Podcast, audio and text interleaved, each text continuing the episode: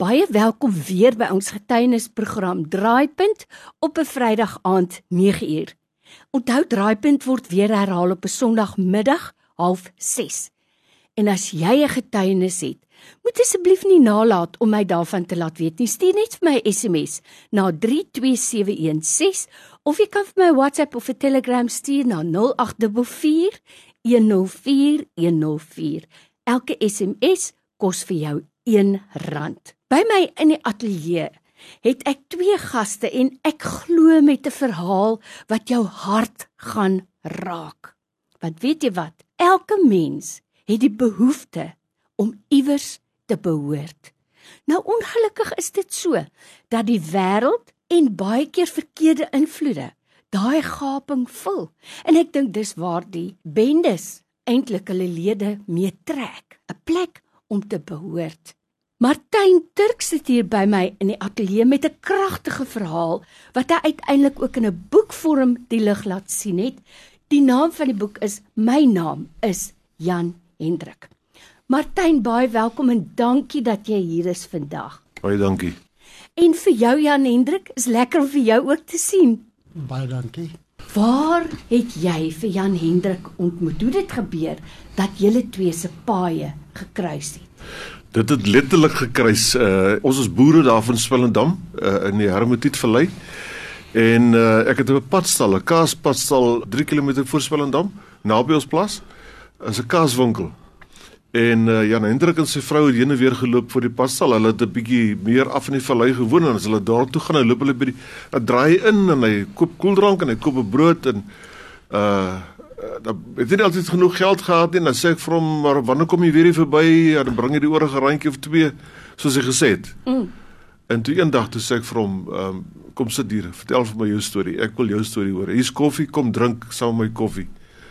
En mens ek daai storie hoor toe sê ek vir myself ek sê te vir hom ook dis 'n boek. Hierdie is 'n boek. Ek is lief vir skryf. Ek het al dis die vierde boek wat ek geskryf het. Wow die nie die aard van die skryfwerk wat ek normaalweg doen nie. Ek doen meer meningsvorming, maar hierdie storie moet vertel word.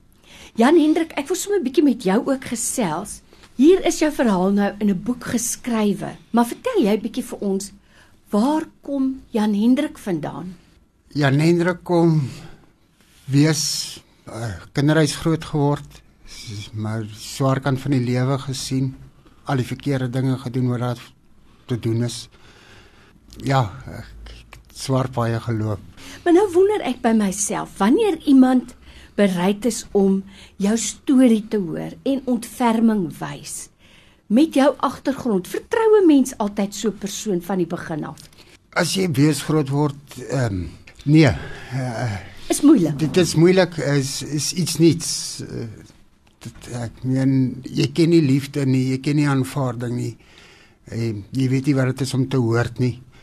Ehm um, die begeertes is daar, maar daar waar jy geleenthede kry, maak jy deure toe. Mm. En as hy deur toe is, hy gaan nie weer oop nie en ja, tot jy op 'n manier iewers jou les leer soos wat ek myne moes gaan leer het, ehm um, die gevangenis. Mm. Het ek besef, maar as ek nie my doen en late gaan stop nie, dan ja, gaan ek uh, maar net weer terug gaan en ja, 5 jaar 3 maande in die gevangenis ek verlang eendag terug hê. Nou by my in die ateljee vandag sit skrywer Martyn Turk. Hy is ook 'n boer en ek wil vir jou sê Martyn, ons het nou bietjie dag daar by jou stal verbygery, hmm. maar toe het ons 'n afspraak gehad hmm. in Montetjie hmm. en ons kon nie stop nie en ek is nou nog spyt daaroor. So daai kaasstal, ons is nou weer daar verbygaan, as hier ons uitspaar hmm. stop ek daar. Daar's nog tyd. En dan is Jan Hendrik ook hmm. hier en sy verhaal eintlik het vir Martyn so ver gebring om 'n boek te skryf. My naam is Jan Hendrik. Hmm. Martyn, jy hoor nou self en ek besef Dit moet moeilik wees om te vertrou as jy al soveel skoppe in die lewe gehad het. Mm. Vertel jy vir my die verhaal van Jan Hendrik soos wat jy dit gehoor het. Mm. Ja, uh, Jan Hendrik is is deur sy ma verwerp. Uh hy was nog nie eens 1 jaar oud nie toe sy by die kinderhuis by Reddersburg afgelaai. En sy lewe lank, hy's 42, hy Dinsdag verlede Dinsdag 42 jaar oud geword. Vir 42 jaar was dit 'n stryd en 'n geveg en 'n 'n 'n verlange na 'n aanvaarding en die behoort by sy ma. En wanneer hy haar ook al gesien het daarna, het sy dadelik en dit is elke geslagstoudigheid uit weggeloop van kinderhuise af en van plekke af. Selfs sy tronk het ontsnap om by sy ma te wees. Sjoe. Uh en dan het sy hom net uh, of in die vuis geslaan of sy het hom met beledig en die maatskaplike werkers gebel en die polisie gebel, neem hom weg. Dan sy maar weer terug. Maar dit was vir hom genoeg net om haar te sien. En al die jare het hy daai verlange gehad om te behoort. Mm. Dis hoekom die subtitel van die boek is die drang om te behoort. Mhm. Mm um 'n mens wat nie liefgehê word deur sy ma nie, het 'n tekort. Dis soos petrol wat hy nie eens enjin het nie. Mhm. Mm en uh, dit dit maak hom ankerloos, dit maak dat hy ankerloos ronddryf en hy het nie die die skill om uit liefde en uit behoort geregte besluite te neem nie. Wie jy is, jy luister na die storie, dit is 'n is 'n thriller om te dink dat dit alles met een mens in liefde kan gebeur. Geen skrywer kan so 'n karakter uitdink in 'n fiksieboek nie. Absoluut so. Nou Martyn, ek glo en ek weet jy glo dit self en ek mm. ek glo Jan Hendrik ook. Maar God, mm. but God. Ja. God op sy tyd en op 'n dag ja. dan bewerk hy daai kruispunt. Ja. So, hoe het jou lewe en mm. invloed mm. ingewerk op Jan Hendrik soos wat jy dit nou sien ja, vandag. Ja. Sy vroutjie is dood so 2 jaar terug. Elisna. Omtrent nou hierdie tyd 2019 en uh, hy teruggekom van die hospitaal waar hy die nuus gekry het. En toe hy by die padstal stop met 'n geleentheid wat hy mee gery het, het ek net hierdie verskriklike hartseer mens gesien en mm. hy het na my toe aangehardloop gekom en ek het my arms opgemaak en ek het hom gevat. En uh, dit is op presies die verlore seun. Mm -hmm. Dit het op daai oomblik vir hom gevoel, dis my pa hierdie. Mm -hmm. Ek het ek het my rol gesien as 'n vader wat my rol so bespeel dat hy die hemelse Vader in my kan sien. Dis hoekom ek hom nie kon teleurstel nie. Ek moes ook beskikbaar wees. Ek moet luister, ek moes behoeftes aanhoor, ek moes voorsien. Uh sodat ek daai rol wat wat God die Vader kan speel in sy lewe kan weerspieël. En dit het gemaak dat hy ook in sy geloof ook al meer beginne besef het maar hierdie pa kan my nog drop, maar die hemelse Vader kan my oh, nie drop nie. Wow. Al het ander mense hulle rug op hom gedraai, al het hy ander mense teleurgestel, mm -hmm. want in sy dwaasheid en in sy, sy tekort aan skills het hy mense hier en daar seer gemaak. Maar ek moes elke slag moes ek vir myself sê ek moet nog 'n keer. Ek kan nie ek kan hom nie los nie want dan is dit klaar dan gaan hy nie weer regkom nie. En ek kyk nou na die omslag van jou boek. Dit is die mooiste foto van Jan Hendrik met sy arms wyd oop gesprei, ja. soos 'n persoon wat vry is, ja. nê. Nee. En wanneer 'n mens vrykom van jou verlede, Jan Hendrik, ervaar 'n mens 'n vryheid. Dis wonderlik. Ja. Ehm um, dis ou was dit my voorreg gegee om myself te kan wees wie ek is, die aanvaarding ag en soveel om te leer en uh, ou maak baie foute nog steeds 2 jaar kan nie opmaak vir 42 jaar nie. So ja, maar elke dag is net 'n nuwe dag en ek sien uit wat nog kan kom. Ek wil vir jou vra Martyn um, om so 'n boek te skryf en om al die details aan te hoor moet seker moeilik wees nie. jy weet nou gewoonte ja. soos jy sê. Ja. Mm. Hier's 'n karakter wat wat ongelooflik disfunksioneel in sy wese is. Want as jy liefde nie is, die ervaring jy behoort nêrens nie. Ek het 'n storie geluister en mondeling vertel en toe sê ek vir hom nee, ek moet weer luister toe toe ek op die lang pad met hom gegaan, is dit so 1000 km gery en ek het vir hom sê ek doen dit in ruil vir jou storie. Toe ek weer uh, uh, besef maar uh, hier is nog inligting detail. Toe ek hom vir 3 dae by ons op die plaas in 'n gastehuis ingeboek en en ek het vir hom sê kom sit hier by die eetkamertafel en ek sit met my rekenaar en ek en ek skryf telegram styl. En ek het begin skryf in 2 weke later. Toe voel dit vir my afdringend.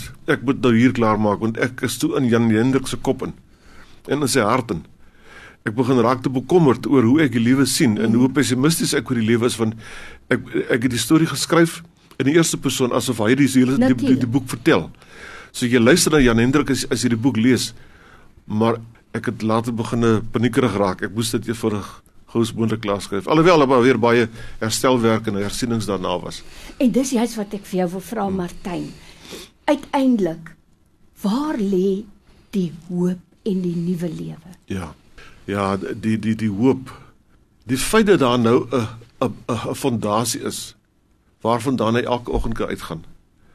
Ehm um, as hy opstaan dan weet hy dit is my bed. Dit is by kamer. Dit is by kombuis. Is by badkamer en ek kan uitgaan en ek weet ek is welkom as ek terugkom. Wow. Daar gaan nie nou iets gebeur wat iemand se rug op my laat draai nie. Hier is ek veilig. Omdat hy dit nie gehad het nie. Hy het onlangs dit vir my 'n groot ding geleer. Hy het vir my gesê om of oubaas, hy noem my oubaas. Julle moenie so ongeduldig wees met my nie. Om liefgehad te word is vir my 'n nuwe ding. Wow. Ek ek verstaan dit nie lekker nie. Sjoe. As daar nou iemand is wat luister en wat 'n geleentheid het soos wat Martyn en sy gesin in jou lewe ingespreek het, wat sal jy vir so 'n persoon sê?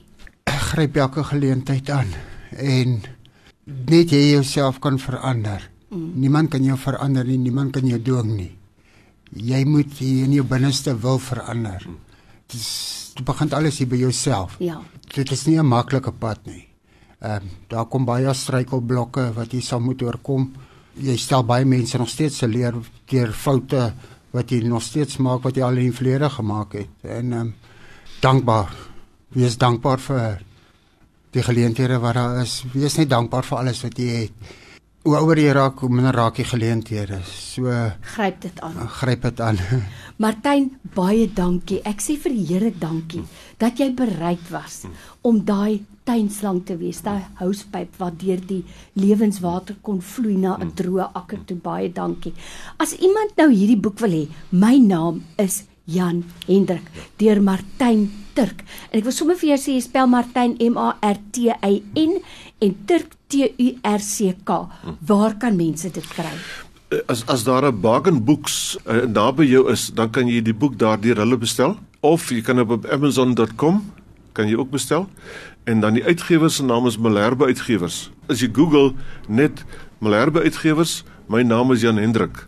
Dan kom jy direk by die boek op hulle blad uit. En natuurlik kan jy vir my ook eh, kontak. Ek kan dit by jou aflewer. Ons ons ons lewer elke dag produkte in die Kaap af. By e-posadres is die Engelse woord vir plaas farm by wildebraam.co.za en my selnommer is 081 318 6013. Ek herhaal, die selfoonnommer is 081 318 6013.